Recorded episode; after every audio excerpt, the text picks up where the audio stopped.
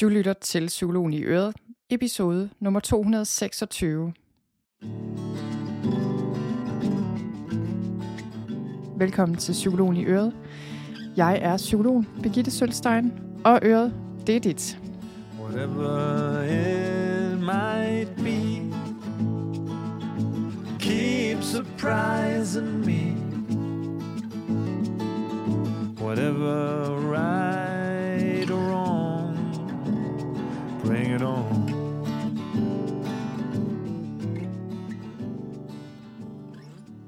Velkommen til. I den her episode vil jeg gerne dele noget omkring et rigtig vigtigt emne. Altså, det håber jeg jo alle mine podcast-episoder er. Men jeg synes alligevel, at det her emne, det er især vigtigt. Og det handler om det her med, at vi nogle gange bebrejder os selv, at vi ikke stopper op, før vi rammer stressmuren. Det er især det, jeg vil tale om. Men jeg tænker egentlig også, at det her det kan overføres på mange andre situationer, at vi bebrejder os selv. At vi ikke har opført os mere fornuftigt, eller klogt, eller tænkt mere langsigtet i alle mulige situationer, og finder os selv et sted, hvor vi ikke har lyst til at være. Det kan være, at vi har taget alt for meget på og er kommet i totalt dårlig form. Det kan være, at vores ægteskab halter eller er gået i stykker. Det kan være, at vi er ramt af stress. Altså alle mulige ting, hvor vi ligesom føler, at vi kan bebrejde os selv, i hvert fald delvist, og vores adfærd og vaner, eller hvad det nu er, at vi er havnet der, hvor vi er havnet. Og der er ingen tvivl om, at det er bedst, at man prøver at opføre sig så godt man kan, og tillægge sig gode vaner og, og tage ansvar for sig selv. Det er jeg kæmpemæssig fortaler for, og det, det tror jeg også, man ved, hvis man har lyttet til den her podcast ret længe. Og der er ingen tvivl om, at det er bedre at stoppe op, før man rammer stressmuren, end når krop og hjerne tvinger os til at stoppe op. Fordi det kan tage lang tid at komme sig over alvorlig stress. Det er også bare sådan, virkeligheden er bare sådan, at det gør vi ikke altid. Og hvorfor gør vi ikke det? Fordi det virker jo på en måde enkelt. Og i dag der handler det altså om det her med, Øh, hvorfor vi ikke altid gør det, der på papiret virker mest fornuftigt. Jeg kommer til at tale lidt om min egen historie med en stresssygemelding, eller faktisk to stresssygemeldinger. Også på trods af, at jeg vidste en hel del med stress, og selv synes, jeg havde en del livserfaring osv. Og så kommer jeg ind på, hvorfor det kan være svært at stoppe op, før vi bliver ramt af alvorlig stress. Og det handler meget om, hvad vi misforstår ved vores egen psykologi og jeg kommer ind på et par metaforer, man tit bruger i stressbehandling, eller hvad skal man sige, når man taler om stress, som ikke rigtig giver mening. Og så giver jeg et par råd, der kan hjælpe dig med at tage en overbelastning i opløbet, selvom det er svært. Så øh, det håber jeg, du er med på. Og øh, jeg vil lige sige, jeg ved ikke, om det er bare mig, der har lagt mærke til det. Altså, nogle gange hører jeg mine egen podcast-episoder, hvis jeg selv skal redigere dem. Det er ikke så tit, jeg gør det længere, men, øh, men ellers så hører jeg også ligesom min egen stemme i høretelefonerne, mens jeg står og, øh, og indtaler podcasten. Så det gør jeg lige nu. Og det slog mig, da jeg indtalte introen til den her podcast-episode, at jeg synes pludselig, at jeg lyder så jysk. Og det, det er jeg jo også. Jeg er født opvokset i Thy, men så har jeg bare boet knap 20 år i hovedstaden, og så er jeg så flyttet tilbage, og jeg har, jeg har aldrig rigtig sådan tillagt mig en særlig københavnsk accent, men, men nu har vi boet øh, tilbage i Jylland i tre år, godt og vel, og jeg kan simpelthen høre på min egen stemme, at øh, jeg er begyndt at lyde mere og mere jysk.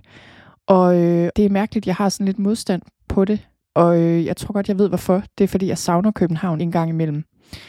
Og øh, der er ting, jeg savner, og så kan jeg sådan så har jeg måske lyst til at holde fast i den del af mig selv. Jeg kan blive sådan helt bange for, at den del af mig selv forsvinder eller et eller andet. Nå. Det kan være, at det kun er mig selv, der har, har lagt mærke til det. Men øh, om ikke andet, så var det noget, jeg tænkte på, da jeg lige gik i gang her. Men altså, lad os komme i gang med selve emnet. Og øh, jeg, jeg har tænkt meget over det her løbende, fordi det er meget interessant det her med, hvorfor gør vi de her ting, der er irrationelle, og hvorfor, hvorfor gør vi ikke altid bare det, vi ved er godt. Og jeg har virkelig tænkt over, at psykologistudiet er jo meget populært, og det var det også, da jeg kom ind på uddannelsen. Man skulle have et tårnhøjsnit, og alle ville læse psykologi, i hvert fald i København, men jeg tror også andre steder i landet. Og jeg tror simpelthen, at det studie er så populært, blandt andet fordi, at man tror, at hvis man bliver psykolog, så, bliver man, så kan man håndtere alle livets problemer, og så lærer man ligesom ja, løsningen, så, så lærer man ligesom hemmeligheden bag, hvordan man lever livet.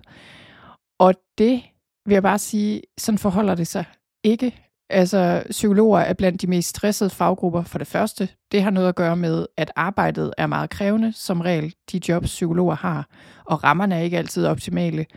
Men det har også noget at gøre med, at psykologer bare er mennesker. Det ændrer sig ikke. Altså bare fordi man er uddannet psykolog og også har diverse terapeutiske efteruddannelser, det ændrer ikke ved, at man er et menneske. Og selvfølgelig kan man blive klogere på sig selv. Psykologi er jo en akademisk uddannelse på universitetet. Der er også noget praktisk træning, men ikke ret meget. Ikke i forhold til sådan dyb selvudvikling i hvert fald. Det kommer senere, hvis man efteruddanner sig, og det har jeg også været igennem det er stadig ikke ens betydende med, at så gør man bare alt det, man har lært. Det fører man også ligesom ud i livet, desværre. Så, så der er bare forskel på at vide noget fra en bog, eller en podcast, eller et kursus, og så, så at gøre noget i praksis. Og det har du derude sikkert også oplevet, at det er sådan, det forholder sig. Men jeg tænker, at noget af det, der hjælper over tid, det er selvindsigt, evnen til at kigge på, og viljen til at kigge på sig selv, og kigge på de mønstre, man har, se hvordan følelser og automatreaktioner spiller ind. Så, så det er ikke fordi, jeg tror, vi er magtesløse, eller ikke kan ændre ting. Det er bare, at det er mere komplekst end som så. Og det er noget af det, jeg vil sige lidt om her. Hvis jeg skal bruge mig selv som eksempel, fordi jeg egentlig synes, jeg er et meget godt eksempel på det her med, at selvom man ved meget om stress og har lært meget også af livet, så, øh, så kan man stadig blive ramt. Når jeg ser tilbage på mit liv og ligesom tænker, okay, hvordan har stress spillet ind? Så tænker jeg egentlig dybest set, at i min barndom var jeg grundlæggende stresset en stor del af tiden. Der var rigtig mange gode ting i min barndom, men der var også ting, der ikke var så gode. Mine forældre, de mistede hus og hjem, da jeg var helt lille, øh, og jeg voksede op med det, jeg, det, øh, altså jeg vil kalde det økonomisk stress, alkoholmisbrug og en stor del af tiden et ret utrygt miljø, kan man vel sige. Og jeg nævner det her faktisk, fordi stress Stress kan være mange ting, og når nervesystemet overbelastes, så er det som regel et resultat af flere tråde, der er vævet sammen fra både fortid og nutid. Så øh, det kan være, at du også har haft en svær barndom, eller andre ting, der er sket, der har sat dit nervesystem i et grundlæggende alarmberedskab. Og sådan tror jeg i hvert fald, det var for mig. Og så var det så sådan, den første gang, jeg oplevede arbejdsrelateret stress, der havde jeg været psykolog i et par år, og jeg fik et job, hvor jeg med det samme kunne mærke, at der var noget galt med arbejdsmiljøet. Det var en spændende stilling, og jeg besluttede mig for, at det kunne jeg godt navigere i. Men det kunne jeg så ikke, fordi efter halvandet år blev jeg meget klogere. Der begyndte min krop at reagere. Og det var det her med, selvom jeg godt kunne se, hvad der foregik på den her arbejdsplads rationelt, så påvirkede det mig jo alligevel. Og, og jeg har meget tit tænkt på senere, fordi dengang havde jeg jo meget de her tanker om, hvorfor kunne jeg ikke holde til det? Der var andre, der var nu også andre, der blev sygemeldt, men der var jo også andre, der ikke blev sygemeldt, og hvorfor kunne jeg ikke bare være mere robust? Og i dag så tænker jeg, at ja, en del af det handler måske om, at mit nervesystem er mere sensitivt af forskellige årsager. Har jeg antennerne mere ude end måske andre, der ikke har haft brug for at have antennerne så meget ude tidligt i livet. Men jeg er også glad for den sensitivitet, fordi det gjorde, at jeg ikke blev i noget, der ikke var sundt. Så det der, det, der skete her, det var, at på et tidspunkt, så fik jeg simpelthen så mange fysiske symptomer, og fik det dårligt, da jeg kom på arbejde, så måtte jeg sygemelde mig. Var det et par måneder, og så øh, kom jeg tilbage til mit arbejde og sagde op, og fik det bedre. Så det var sådan, det var egentlig, øh, altså forholdsvis kort øh, stresssygemelding, forholdsvis enkelt. Så gik der nogle år, og så havde jeg fået to børn, og var blevet selvstændig, og øh, jeg var glad for at være selvstændig, det var også forholdsvis krævende, selvom jeg ikke arbejdede så meget. Jeg, øh, jeg rejste rundt i landet som konsulent og supervisor. Jeg tænker faktisk i dag, jeg ville synes, det var rimelig belastende, men, øh, men jeg var så også lige 10 år yngre. Men vi havde et barn, øh, min ældste, med en funktionsnedsættelse og en kronisk sygdom, der krævede ret meget i hverdagen som især også øh, nogle gange gjorde, at der var akutte indlæggelser, og det var, det var hårdt, fordi jeg kunne godt mærke, at jeg havde stress i mit system, på grund af det, den der konstante frygt for, hvornår sker der nu noget igen. Men jeg vidste også, at mit arbejde ikke var det, der stressede mig, så derfor arbejdede jeg jo bare videre. Jeg kunne ikke se, hvad det skulle hjælpe at sygemelde mig. Men, øh, men i bagspejlet tænker jeg selvfølgelig, at jeg skulle have passet meget bedre på mig selv. Og øh, det kan jeg se nu. Det kunne jeg ikke se dengang. Og så, øh, jeg havde det rigtig skidt, og vi var igennem en voldsom indlæggelse, og jeg kunne ikke sove, og jeg havde svært ved at være væk fra mit barn egentlig. Sådan, jeg kunne godt mærke, sådan rent biologisk reagerede min krop meget.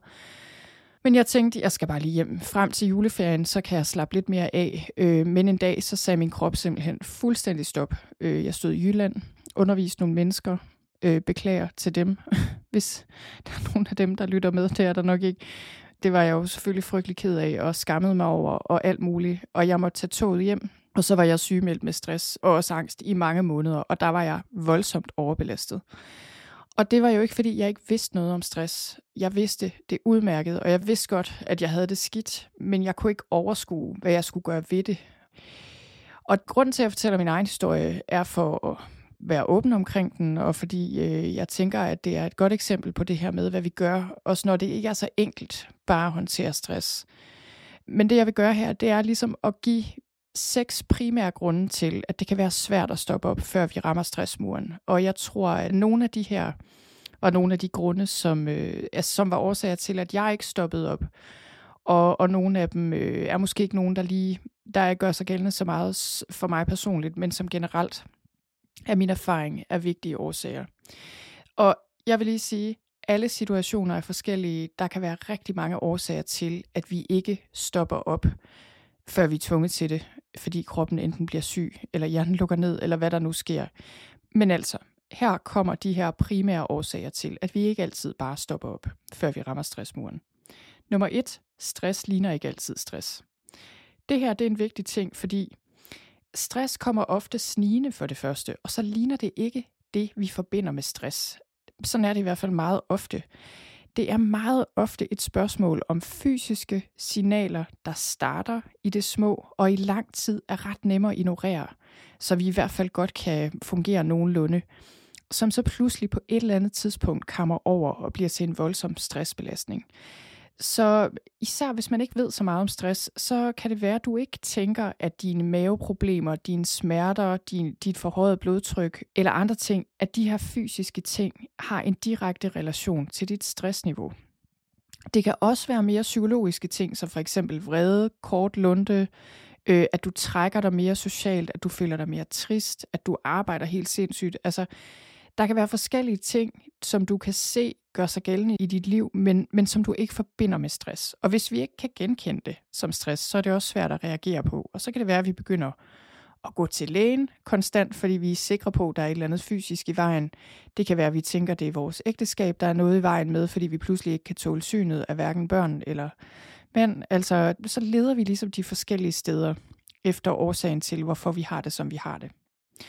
Nummer to er, at stress er som en snebold, der ruller. Paradoxalt nok så er det sådan, at jo mere stresset vi er, det sværere har vi ved at se det, og det sværere er det også at stoppe op. Omvendt, når vi har det godt, så er det nemmere at hvile og slappe af og gøre det, vi har brug for. Og det er ærgerligt, at det forholder sig sådan, men det er virkelig sådan, det forholder sig. At når vi allerede er i balance, så er det meget nemmere at meditere og gå ture og spise ordentligt, end det er, når vi har det skidt og er stresset. Så stress avler stress, og det er virkelig som en snebold, der ruller. I begyndelsen så virker den ikke særlig stor, og det er rigtig svært med en snebold, og rigtig svært med stress at afgøre præcis, hvornår den bliver så stor, at det er et problem, og at man ikke længere kan stoppe den. Det er simpelthen igen det her med, at det bygges langsomt op. Og når du først er op i fart med stress, så bliver det rigtig svært at stoppe op. Og, og det, der også er problemet, det er, at vi så tit får vaner, der giver os endnu mere stress og gør den her snebold endnu større. Det kan være, at vi arbejder for meget. Pludselig spiser vi sukker hele dagen. Vi bruger mindre tid på det, der egentlig giver os glæde. Vi mister kontakten til vores venner. Alle de her ting gør, at den her snebold ruller hurtigere og hurtigere, og så er det altså først, når vi rammer en mur. Det kan være fysiske symptomer, måske familien, der siger fra, et eller andet, der gør, at vi pludselig er tvunget til at stoppe. Nummer tre, vi er flokdyr, og vi går rigtig langt for at passe ind. Det er jo sådan rent biologisk, at vi mennesker er flokdyr. Og det er nemt at glemme, især her i Danmark, hvor vi ikke øh, vi har ikke et særligt det, man kalder kollektivistisk samfund. Det, øh, det er der andre dele af verden, man stadig har meget, men, det, men rent biologisk er vi indrettet til de her meget tætte sociale relationer og flokke. Og det kan godt være, at vi ikke selv føler, at vi, øh, vi er så afhængige af flokken, men for hjernen er det sådan, at vi er stærkt afhængige af andre i den sociale flok. Og, øh, og før i tiden var det jo sådan, at social udstødelse var lige med den visse død, og det er også sådan i dag, at vi er stadig meget psykologisk afhængige af sociale relationer, og derfor er vi også meget pligtopfyldende. Så det betyder, at mange af os ender med at betale en høj pris, fordi vi vil ikke lade andre i stikken, vi vil ikke virke svage, vi vil gerne leve op til de krav og de normer, der er. Og igen, det kan godt være, at du tænker ind i dig selv, nej, jeg er meget stærk og uafhængig, og jeg klarer mig selv, og jeg er ligeglad med, hvad andre tænker. Og ja, det kan være, at vi har den bevidste overbevisning, men ubevidst og rent biologisk har hjernen og kroppen og nervesystemet en helt anden måde at fungere på. Så det er rigtig svært at bryde sociale normer. Det er rigtig skamfuldt ikke at leve op til sociale krav og forventninger. Og det er altså også en af grundene til, at det kan være rigtig svært at stoppe op. Nummer 4. Årsager til stress er som regel mange og også ofte uklare. Så og du kan ikke altid fjerne det, der stresser. Så det var sådan lidt to årsager i en. Men altså, det der med, at der kan være mange årsager til stress. Tidligere føler jeg, at når vi snakkede om stress i begyndelsen, da vi begyndte at snakke meget om stress for 15 år siden eller sådan noget, så snakkede vi om arbejdsrelateret stress. Men de senere år er vi blevet meget mere opmærksom på, at der kan være mange årsager til stress. Og nogle gange er det ikke bare ydre årsager, det kan også være indre årsager. Det kan være tidligere traumer, øh, det kan være tendens til selvkritik. Altså det kan være ting, enten øh, fra fortiden, eller bare ting, der er svære at få øje på. Og mange af de her årsager og mekanismer er ting, der ikke er så enkle at gøre noget ved, som for eksempel, hvis man bare har for travlt, eller på en eller anden måde skal skære ned på arbejdstiden, eller hvad det nu er. Et eller andet praktisk konkret, som man kan forholde sig til og gøre noget ved. Og jeg tænker tit på, at coronasituationen var, altså den er her jo nu, men for vores vedkommende her i Danmark, den var meget, meget belastende for mange. Selvom mange både havde mere tid, mere frihed, end man plejede, der var endda også nogen, der havde flere penge. Jeg ved godt, der også var nogen, der havde færre penge, men nogen havde flere penge, de plejede. Men uvidshed, ensomhed, global krise, frygt for sygdom, altså der var bare sådan et kæmpemæssigt stressniveau rent kollektivt, som gjorde, at mange fik det rigtig skidt. Så det er et godt eksempel på, at stress kan være mange ting, og, og kan tit være noget helt andet end bare at have travlt. Og nogle gange, så er det jo bare rigtig svært at fjerne det, der stresser. Og nogle gange, og det har du sikkert også oplevet derude, er det bare ligesom om, at livet rammer en, altså i stimer af ting, der bare belaster. Så øh, det kan være, at du har en travl periode på arbejdet, så kommer der en privat krise, øh, så kan der opstå et eller andet tredje, altså ting, du ikke har mulighed for at forudse, og som er rigtig svære at navigere i. Jeg kommer til at tænke på for et par år siden, jeg havde et forår og en sommer, for det første var der corona. Vi flyttede den dag, landet lukkede ned for anden gang på et år, fordi vi havde boet midlertidigt, inden vi fik vores nye hus. Så lukkede landet ned, voldsomt stressende. Så døde min far desværre i en ulykke, som selvfølgelig var virkelig voldsomt og på alle måder udmattende og krævende og alt muligt. Og så havde jeg også, jeg havde travlt på mit arbejde i en periode. Det stoppede så, fordi jeg fik et flåtbid, som jeg endte med at blive meget syg af. Det er jeg helt sikker på ikke er noget tilfælde, fordi jeg var så udmattet, og så måtte jeg i gang med at passe på mig selv. Og jeg tænker, at hver for sig kunne jeg godt håndtere de her belastninger, men samlet set var det bare for meget. Og jeg brugte et halvt år, altså hvis ikke et helt år, på at komme mig oven på det flåtbid. Og jeg føler, at jeg var heldig, fordi jeg føler, at det kun var fordi, jeg havde en viden, der gjorde, at jeg var, jeg var meget opmærksom på, øh, hvad jeg spiste og hvad jeg gjorde, og hvor meget jeg skulle passe på min krop, så jeg kunne, øh, kunne ligesom den borrelia, jeg havde fået, at den ikke, den ikke blev værre. Den var sådan set slem nok, men, øh, men den, den forsvandt med tid, og øh, i hvert fald næsten eftervirkningerne af den. Og det var bare, nu var det bare et eksempel på det her med, når livet virkelig rammer, og man ikke bare, altså der var ikke nogen af de her ting, jeg rigtig kunne sige, om det, det vælger jeg bare at lade være med at gøre. Altså det, det skete bare. Nå, så går vi videre til årsag nummer 5. Stress er et strukturelt problem. Det er ikke en personlig brist.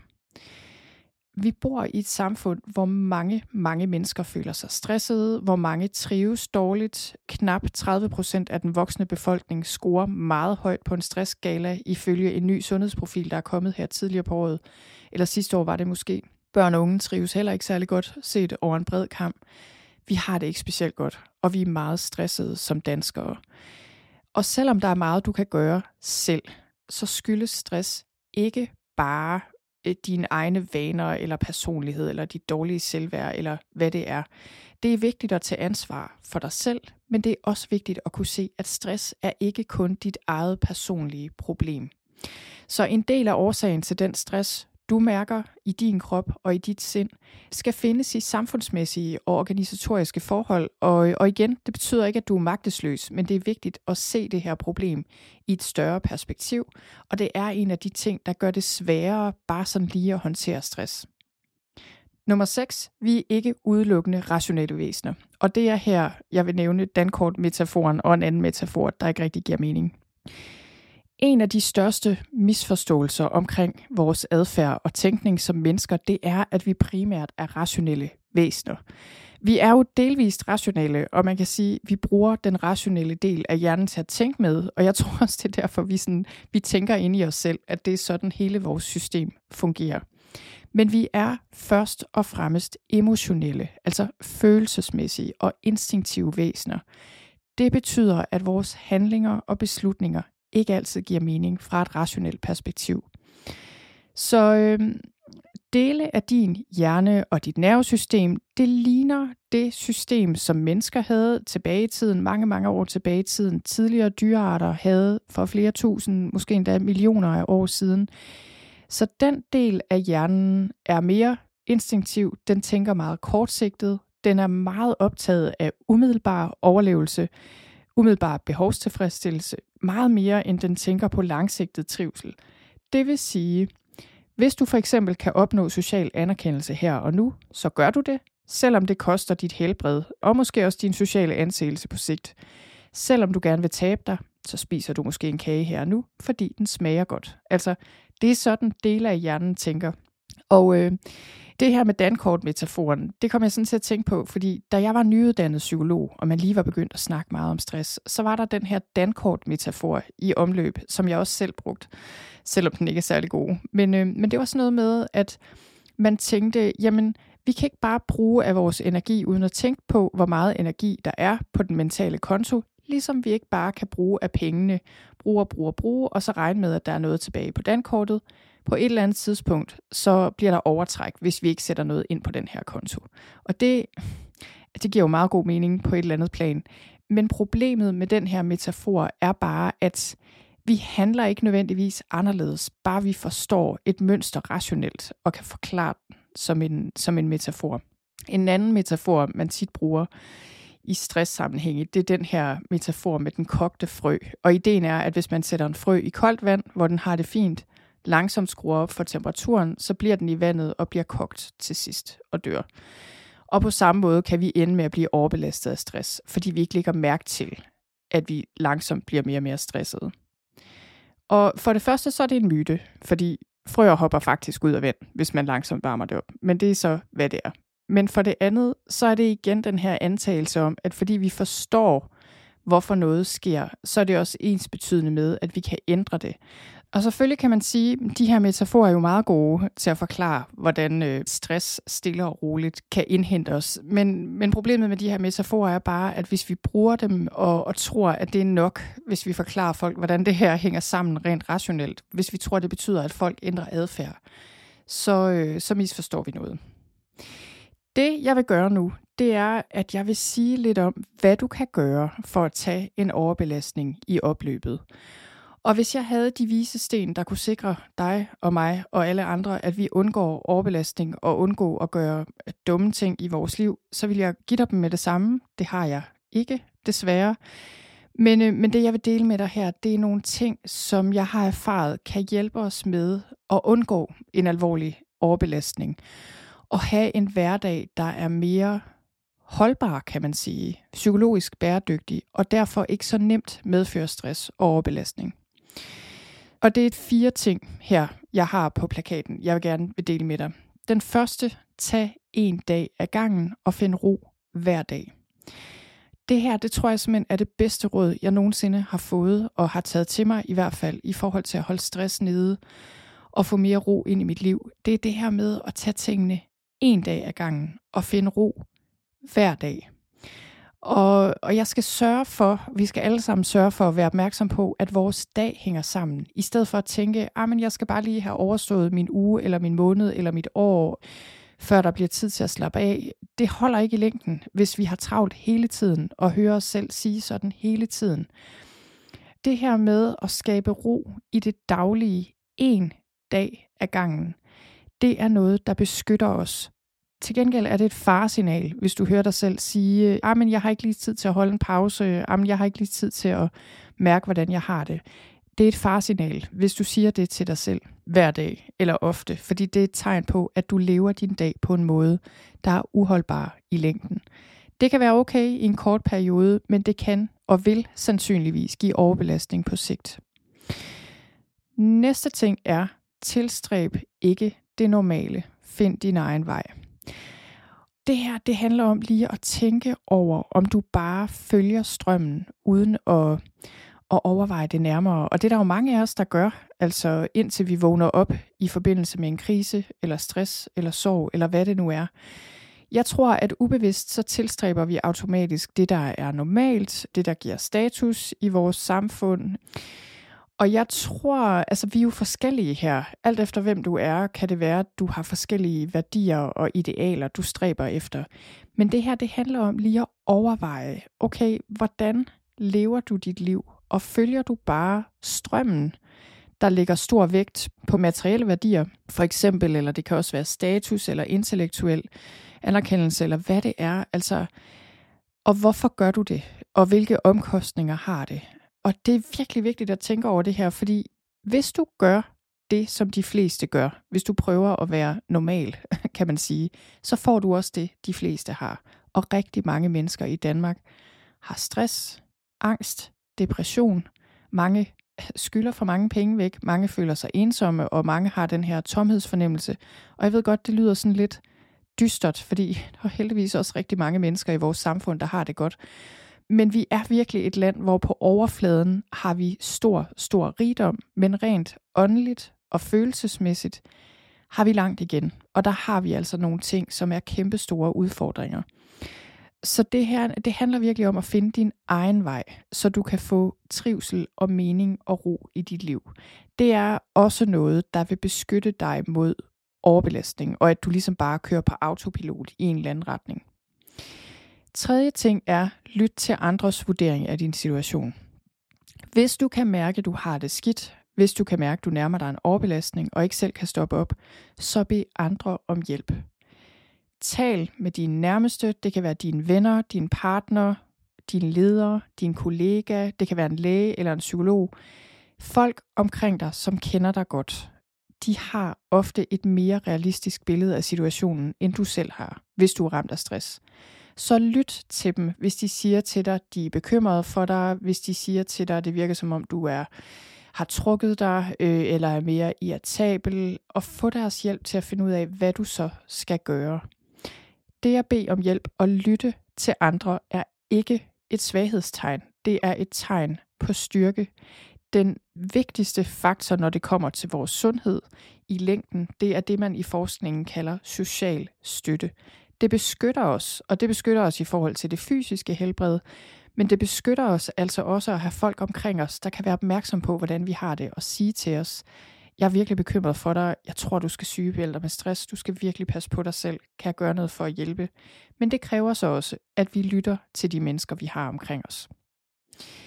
Næste ting er, få kontakt til dit hjerte, så din stressede hjerne ikke styrer dit liv når vi er meget stressede, så er det et kæmpe problem, fordi den hjerne, som vi skal bruge til at tage gode beslutninger med, den hjerne fungerer ikke særlig godt. Og når den er meget stresset, så giver den os tunnelsyn. Den bliver meget kortsigtet. Øh, vi mister vores evne til empati. delvist i hvert fald. Vi kan ikke mærke os selv. Og jeg bruger tit ordet hjerte på den her måde. Altså det her med, at vi ikke kan mærke vores hjerte. Og med det mener jeg jo ikke det fysiske hjerte, og jeg mener heller ikke kun følelserne. Det er også vigtigt at være i kontakt med følelserne, men følelser kan stikke i mange retninger. Når du er i kontakt med dig selv, med din indre ro, med dit hjerte, så er det mere en fornemmelse af, at du ved, hvad der er rigtigt og vigtigt. Både nu og på sigt. Så det er lidt ligesom at få kontakt til den her indre GPS. Og, øh, og en enkel måde at komme i kontakt med dit hjerte på, det er simpelthen at lægge hånden på hjertet. Du kan gøre det lige nu. Og lige mærke det. Den her dybere del af dig. Og det kan godt være, at du stadig har tanker og følelser og ting, der foregår i kroppen. Men når du prøver at kontakte dit hjerte og dig selv, så vil du kunne mærke, at der er en del af dig, der er der altid, uanset hvad, og som kan guide dig i den rigtige retning. Og jo mere rum og ro du giver den her stemme ind i dig selv, jo mere klar bliver den, des nemmere bliver det at handle efter. Så det her, det handler om at få kontakt til dit hjerte, så din stressede hjerne ikke styrer dit liv. Sidste ting, og den sidste ting, jeg vil dele med dig her i dag, det er medfølelse og indre venlighed er den direkte vej til healing og til forandring. Så det her handler om, at når du først har ramt muren, og måske er blevet sygemeldt med stress, for eksempel, eller ramt af et eller andet andet, så er det at have medfølelse over for dig selv, indre venlighed, så godt som du overhovedet kan, det er det, der skal til, for at du kan få det bedre. Det vil hjælpe dig til at berolige dit nervesystem her og nu, og det helbreder bogstaveligt talt kroppen. Og sørge for at, at tale til dig selv og, øh, og behandle dig selv pænt. Så tal til dig selv, som du vil tale til en god ven.